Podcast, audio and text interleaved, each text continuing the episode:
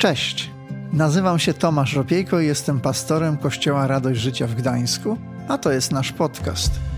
Świetnie, że jesteś. Mam nadzieję, że to, co za chwilę usłyszysz, zainspiruje Cię, pomoże lub zachęci do zmiany.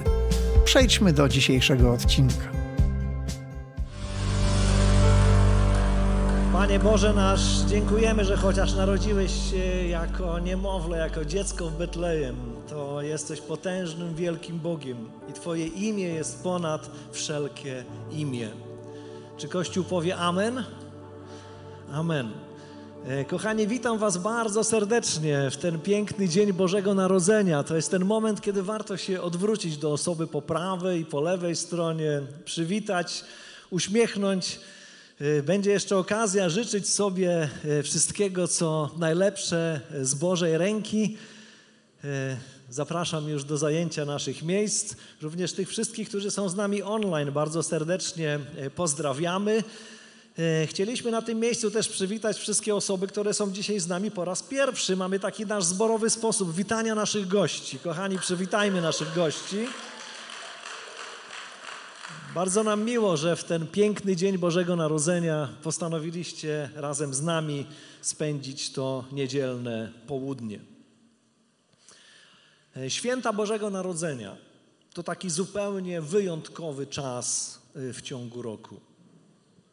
Bardzo specjalnie wyglądają nasze ulice, specjalnie wyglądają nasze domy, zupełnie inaczej niż przez całą resztę roku a jakie zapachy wydobywają się z naszych kuchni, to po prostu e, nie da się opowiedzieć. To wszystko jest takie odświętne i, i niezwykłe. E, kiedyś czytałem, słyszałem e, w jednej, w jednej audycji radiowej listy dzieci do Pana Boga. Pewien aktor czy redaktor y, y, czytał te listy, które dzieci wysyłają do Pana Boga z okazji świąt. Jeden szczególnie zapamiętałem. Jeden list był taki: Panie Boże, musisz sprawić, żeby święta były szybciej, bo dzieci nie mogą być tak długo grzeczne. Nie pamiętam innych, ale, ale ten jeden wbił mi się w pamięć. Ale przecież. E, Szynka i choinka nie są istotą tych świąt. Wspominamy i celebrujemy narodzenie na ziemi Bożego Syna Jezusa Chrystusa. Niebo zstąpienie. Widzieliście naszą tegoroczną grafikę? Przyznacie, że, że jest nietypowa jak na święta. Nie ma tutaj takich czerwono-złotych kolorów, do których jesteśmy przy okazji świąt przyzwyczajeni, ani żadnego takiego świątecznego, chwytającego za serce motywu. I chciałem Wam powiedzieć, że to jest nasz e, świadomy zabieg. Po to, żeby nam pomóc uświadomić sobie, że e, kiedy dzisiaj czytamy relacje, biblijne relacje z narodzenia Jezusa Chrystusa, Często nakładamy naszą romantyczną kalkę, kalkę naszej kultury na te wydarzenia. A biblijna prawda jest taka, że w tym, co zdarzyło się w Betlejem, co spotkało Marię i Józefa, nie było za wiele tego romantyzmu, który dzisiaj chwyta nas za serce. Bo jak słyszeliśmy w tym fragmencie w Ewangelii Łukasza, Gdzieś daleko w Rzymie cesarz zdecydował, zdecydował o spisie ludności. I dziesiątki tysięcy ludzi musiało się temu podporządkować i ruszyć w podróże. A Maria była właśnie w dziewiątym miesiącu ciąży, ale nikogo z rzymskich władz to nie obchodziło. I musieli przebyć 150 kilometrów z Nazaretu do Betlejem, głównie pod górę. I pewnie myśleli, jak to będzie w takim momencie, kiedy niedługo rozwiązanie, ale nie było wyjścia, więc poszli. I akurat gdy byli w Betlejem, Maria zaczęła rodzić. Powiem Wam szczerze, w ogóle mnie to nie dziwi. Gdyby po takiej podróży nie zaczęła rodzić, to byłoby dziwne. A że nie było innego miejsca, to urodziła, urodziła w stajni. Bardzo romantycznie. Nie było w tej stajni światełek jak nasze. Nie było dwunastu świątecznych potraw. Zwierzęta się nie uśmiechały i nikt tam na nich nie czekał. Jeszcze ten zapach. Y, pozwólcie, że zapytam, kto był w stajni, przynajmniej jeden raz w swoim życiu, tak? Sporo osób było. E, jaki zapach jest w stajni? Pachnie choinką? No właśnie, różnymi rzeczami pachnie, ale to chyba nie jest zapach choinki.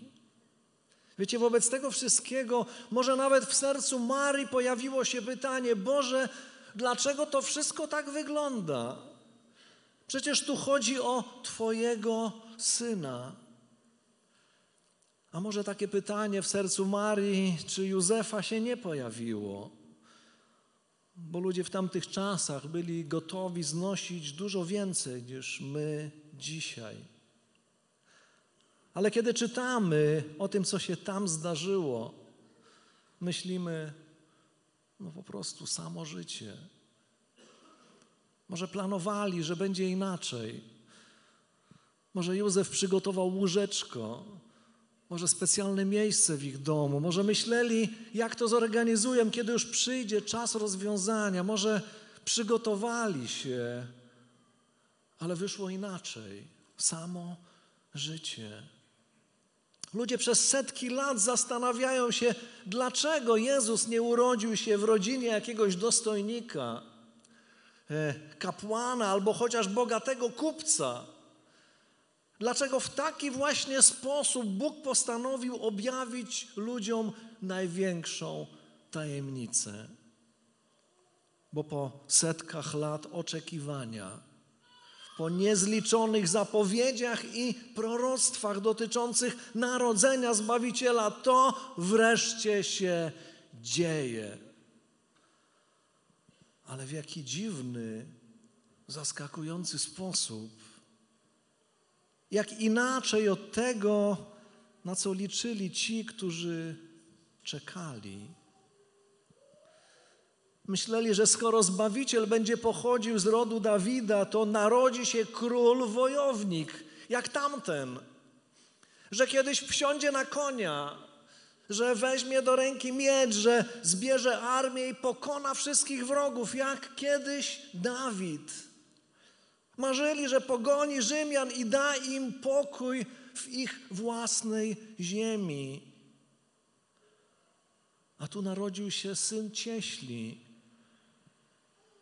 bez nazwiska i politycznego znaczenia. Co nam pomoże taki Zbawiciel? Ale Bóg Ojciec postanowił, że w taki właśnie sposób jego umiłowany syn stanie się człowiekiem. I jak śpiewaliśmy, odwieczny Boży Syn, zrodzony przez Ojca, druga osoba Trójcy, jako człowiek narodził się w Betlejem. A jeszcze trzeba powiedzieć, w oczach ludzi tamtych czasów dziurze na końcu świata, w mało ważnym kraju. Nie przestał być Bogiem, mimo że stał się człowiekiem. I był prawdziwym człowiekiem pomimo swojego bóstwa. Dlaczego i jego bóstwo, i jego człowieczeństwo są tak ważne? Bo jako prawdziwy Bóg tak jak obiecał, przybywa z misją ratunkową do upadłego w grzechu człowieka, żeby go zbawić. Przychodzi jako zbawiciel, jako Bóg przychodzi y, jako zbawiciel. Ale żeby tego dokonać, musiał oddać swoje życie, musiał umrzeć, A przecież Bóg nie może umrzeć, więc stał się człowiekiem, by umrzeć jako człowiek. Ludzie rodzą się, żeby żyć. Jezus narodził się, żeby umrzeć.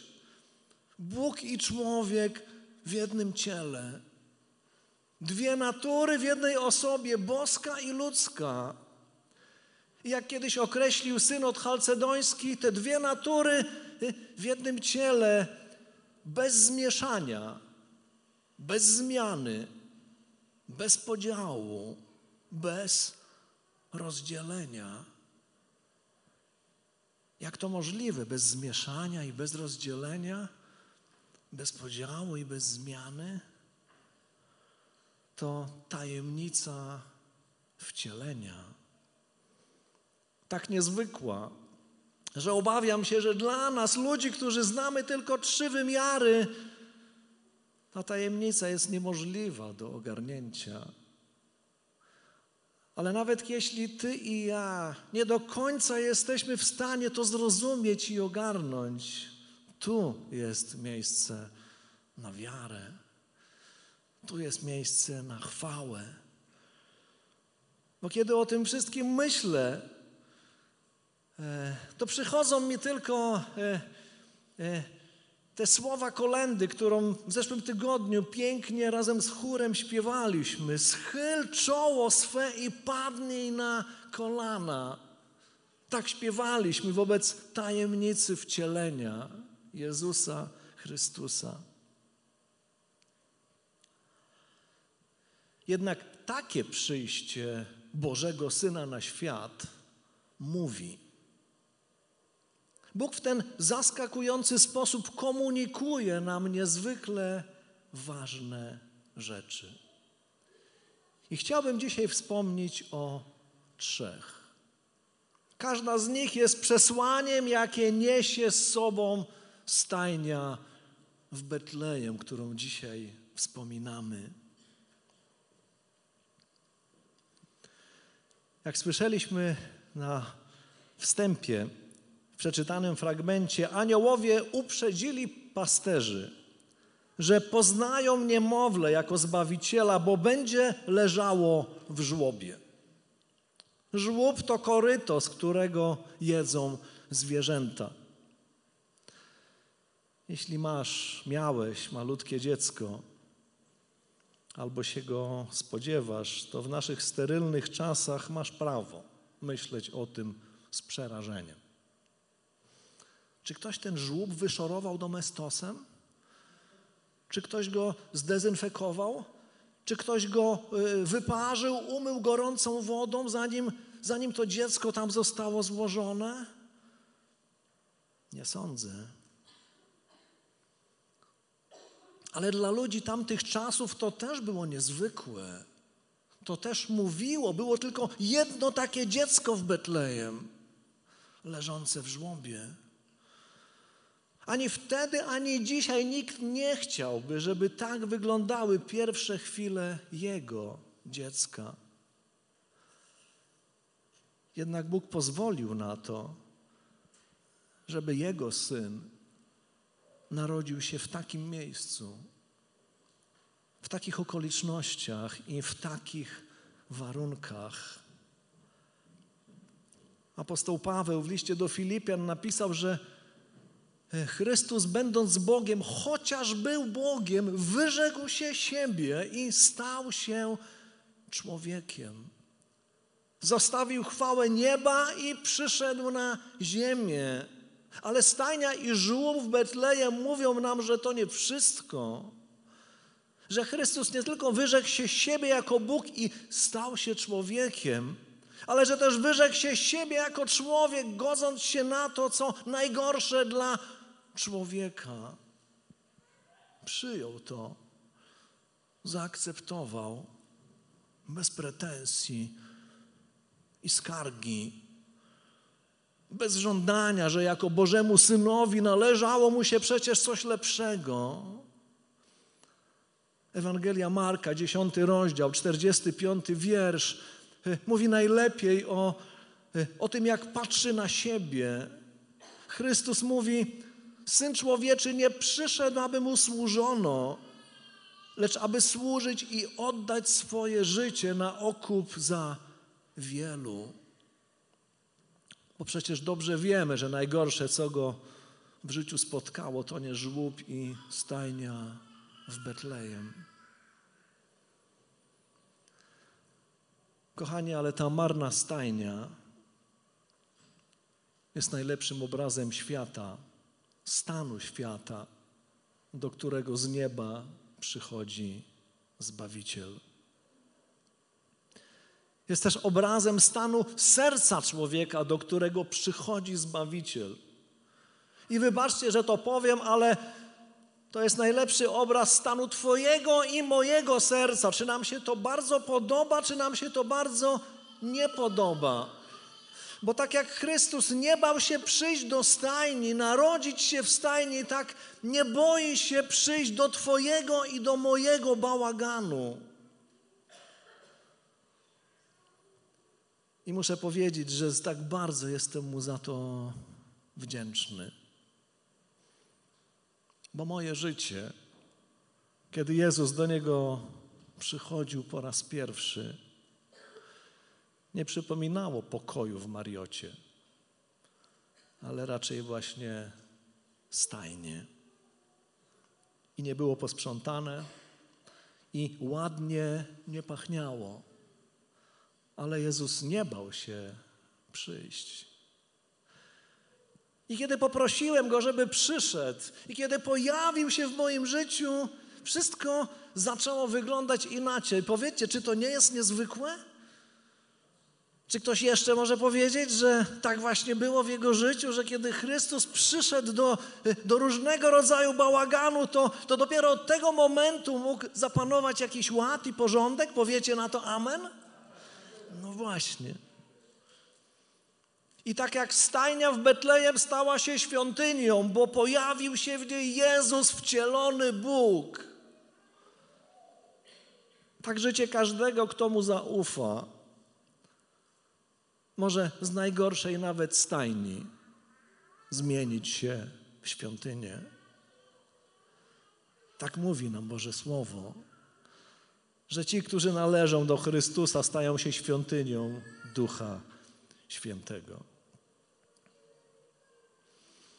Pozwól, że zapytam w to świąteczne południe, jaki jest dzisiaj stan Twojego serca.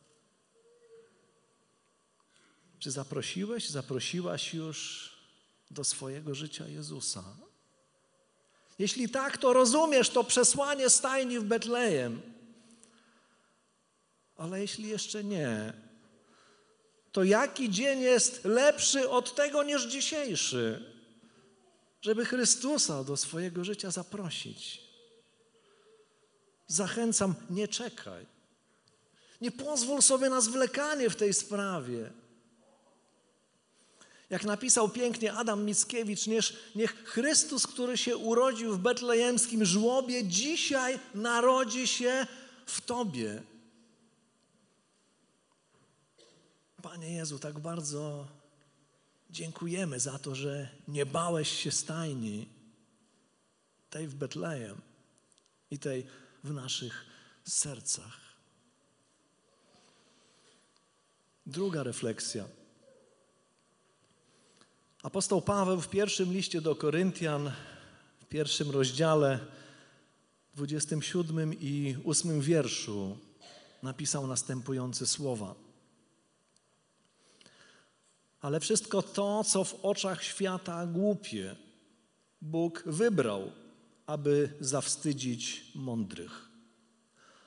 To, co w oczach świata słabe, Bóg wybrał, aby zawstydzić mocnych. To, co w oczach świata uchodzi za niskiego rodu, co wzgardzone, co jest niczym, Bóg wybrał, aby unieważnić to, co jest czymś. Wiecie, kiedy myślę o wydarzeniach w Betlejem, to tam miało miejsce kilka niezwykłych rzeczy. Pierwsi dowiedzieli się i pierwsi witali go pasterze.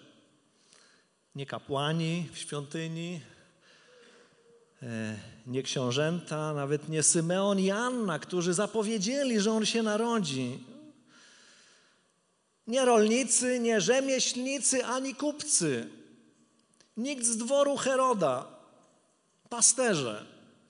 A musimy wiedzieć, że e, e, w tamtej kulturze pasterz był na samym dole drabiny społecznej. Bo na pasterzy patrzono jak na takich trochę nieokrzesańców, którzy więcej czasu spędzają ze zwierzętami niż z ludźmi, gdzieś daleko, na odludziu. Tak patrzono na pasterzy. Taka była o nich y, opinia. I oni pierwsi usłyszeli, że Zbawiciel się narodził. I oni pierwsi przyszli oddać mu hołd, pokłonić się jemu. Ewangelie mówią, że również mędrcy ze wschodu złożyli mu hołd i przynieśli dary. Wygląda na to, że to byli magowie, astrologowie, mniej więcej z terenu Mezopotamii, którzy przybywają z daleka, kawał drogi, podczas kiedy nikt z Jerozolimy się nie pofatygował do Betlejem, a to tylko 8 kilometrów. Można spokojnym tempem w dwie godziny pójść i zobaczyć.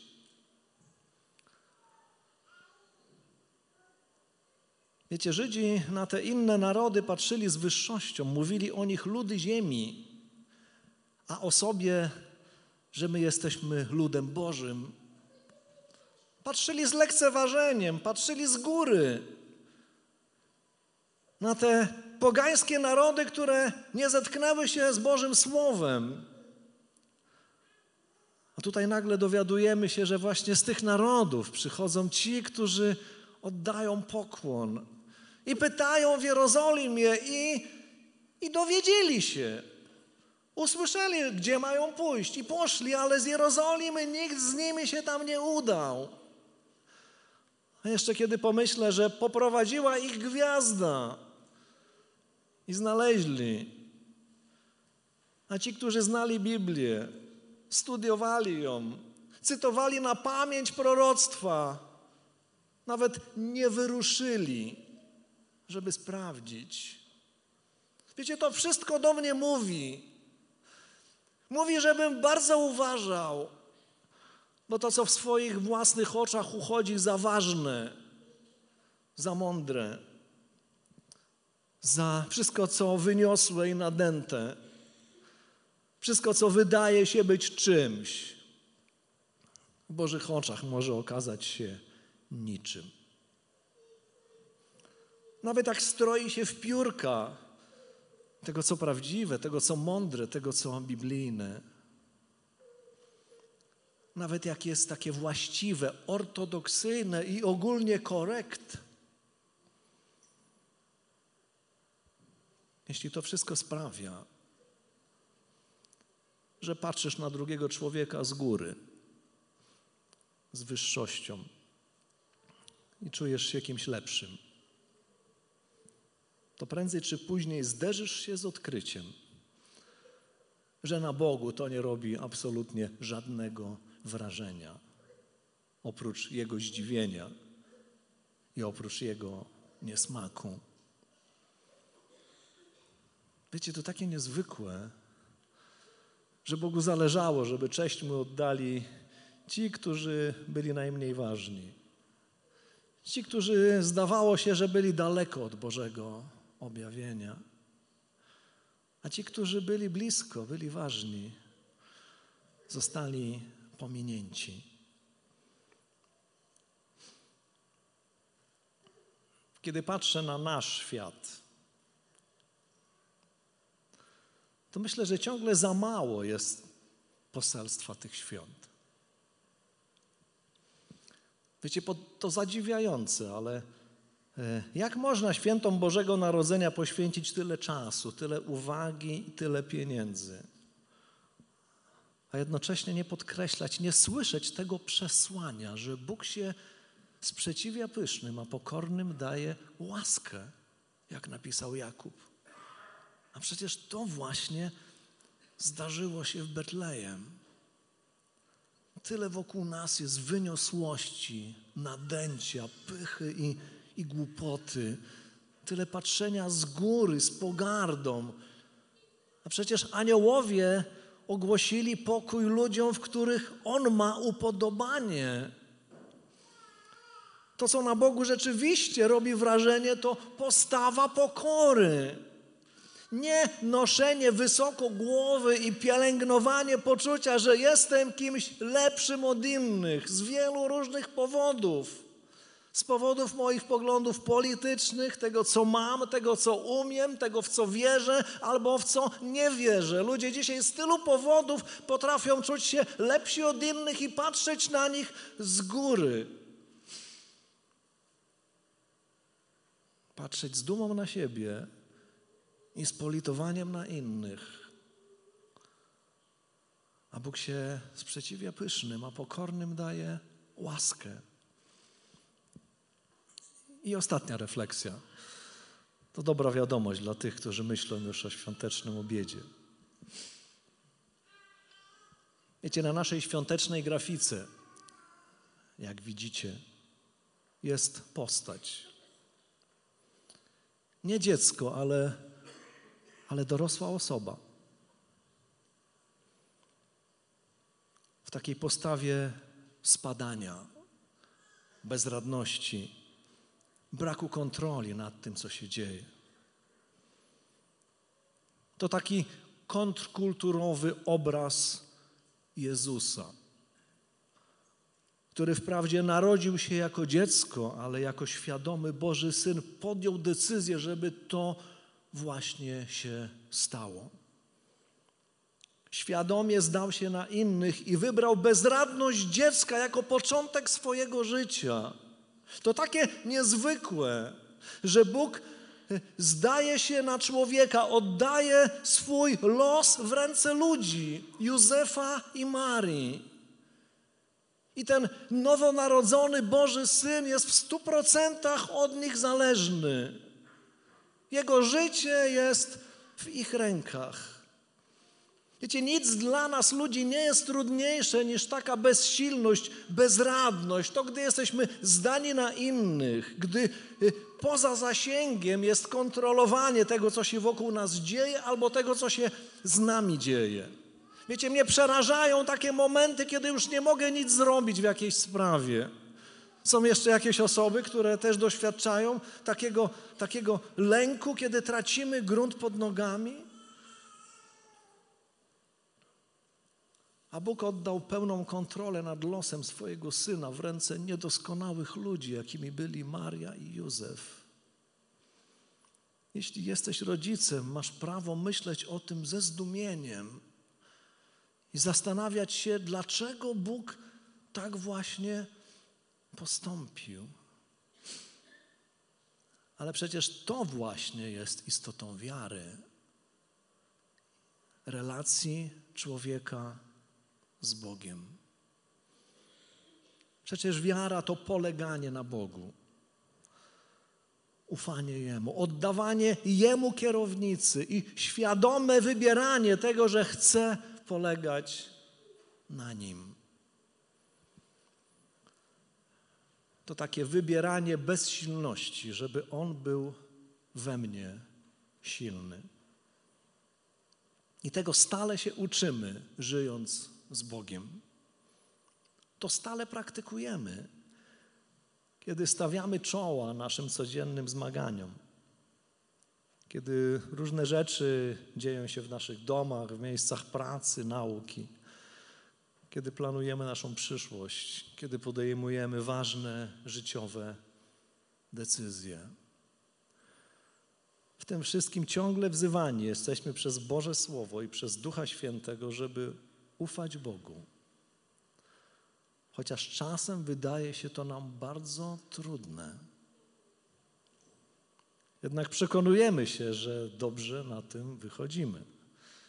Przynajmniej ja się przekonuję, że kiedy idę za tym, co mówi Bóg, kiedy polegam na tym, co On mi proponuje, przed czym On mnie ostrzega, kiedy jestem gotowy potraktować serio Jego słowa bardziej niż jakiekolwiek inne słowa, to zawsze wychodzę na tym dobrze.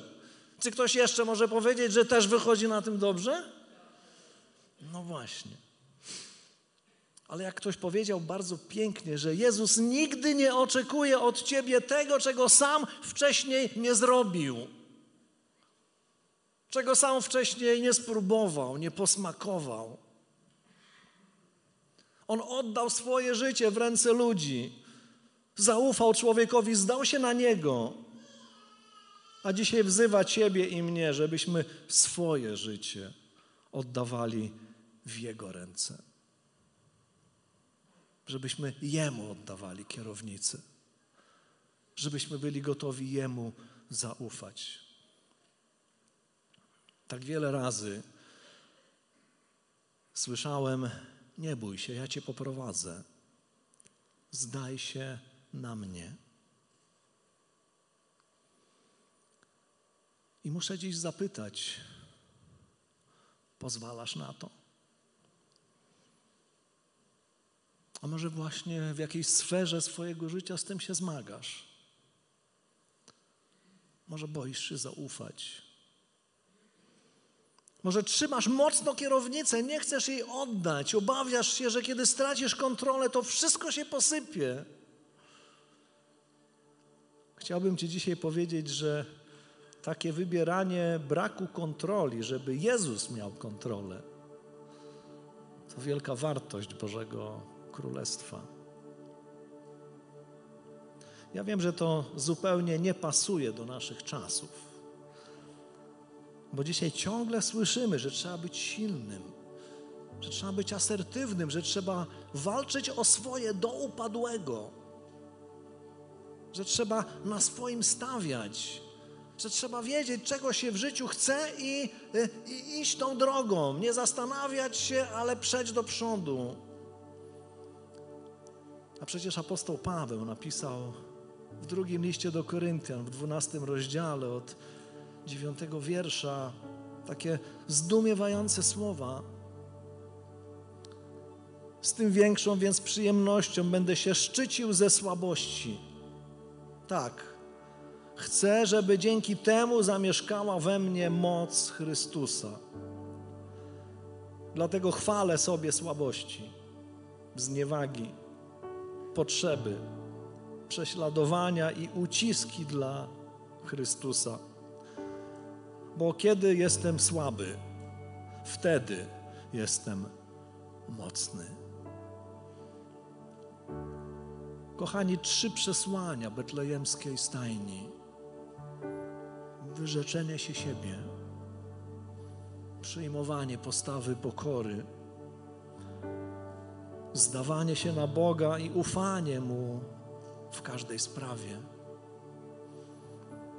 Niech każde z nich, każde z tych przesłań mówi do Twojego i do mojego życia, kiedy wspominamy i świętujemy narodzenie Jezusa Chrystusa w Betlejem. A potem, kiedy już okres świąt się zakończy, niech to przesłanie zostanie razem z nami. Wyrzeczenia się siebie przyjmowania postawy pokory i ufania Bogu w każdej sprawie. Zapraszam do modlitwy. Powstańmy.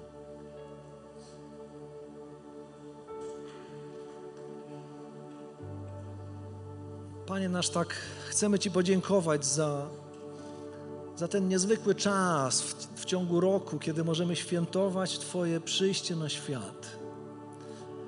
Ale pomóż nam, Panie, abyśmy e, w tym natłoku naszych zajęć i obowiązku, Panie, wobec tej komercji, która jest wokół nas, żebyśmy nigdzie nie stracili z oczu tego, co jest istotą tych świąt. Żebyśmy zawsze byli gotowi pokłonić się Tobie i oddać Tobie chwałę, cieszyć się z tego, że przyszedłeś na świat, stałeś się człowiekiem po to, żeby, żeby ratować każdego człowieka. Dziękujemy, Panie, za to. I dziękujemy za to, w jaki sposób to się stało.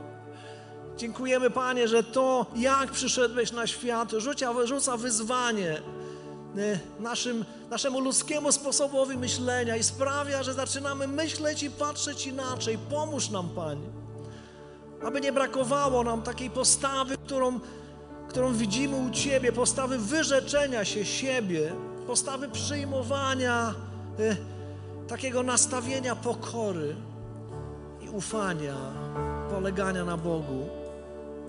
Dziękujemy, Panie Jezu, za to, że jesteś prawdziwym Bogiem i prawdziwym człowiekiem, że nic, co w naszym życiu nie jest dla Ciebie nieznane, obce, ale przeszedłeś przez tak wiele trudnych spraw, a dzisiaj wzywasz nas do tego, abyśmy stawali się Twoimi naśladowcami, abyśmy szli za Tobą. Panie, dawaj nam e, mądrość i wiarę, abyśmy byli gotowi zawsze na Twoje wezwanie w taki sposób odpowiedzieć. Chwała Tobie, Jezu. Jeśli jeszcze nigdy nie zaprosiłeś, nie zaprosiłaś Jezusa do swojego życia, ale chcesz to zrobić, jest Tobie ta gotowość, żeby zrobić to dzisiaj, to chcielibyśmy z radością Ciebie pobłogosławić, z radością się o Ciebie modlić. Kochani, zawołajmy do Boga. E, błogosławmy każdą osobę, która jest gotowa taką decyzję podjąć. Jeśli jesteś dzisiaj z nami online, to tam po drugiej stronie ekranu Duch Święty jest razem z Tobą. Podejmij swoją decyzję. Rozpocznij swoje życie, swoją przygodę z Jezusem. Panie, tak chcemy Ci podziękować za to, że kiedy wzywasz nas, Panie, możemy zareagować, możemy odpowiedzieć. I dzisiaj chcemy błogosławić każdą osobę, yy, która pragnie tego, żeby oprócz tego, że narodziłeś się w Betlejem, żebyś też narodził się yy, w ich sercu, w jego sercu, w jej sercu. Panie, chcemy błogosławić każdą taką osobę. Chcemy się modlić o Twoje działanie w jej życiu, o Twój pokój, o to, żebyś przychodził do ich życia jako Zbawiciel, który wybacza grzechy, jako Zbawiciel, który otwiera nowe możliwości, daje możliwość, daje szansę na nowo rozpoczęcia relacji z Ojcem. Wywyższamy Ciebie, Panie, oddajemy Tobie chwałę. Kochani, śpiewajmy, uwielbiajmy Boga, módlmy się dalej.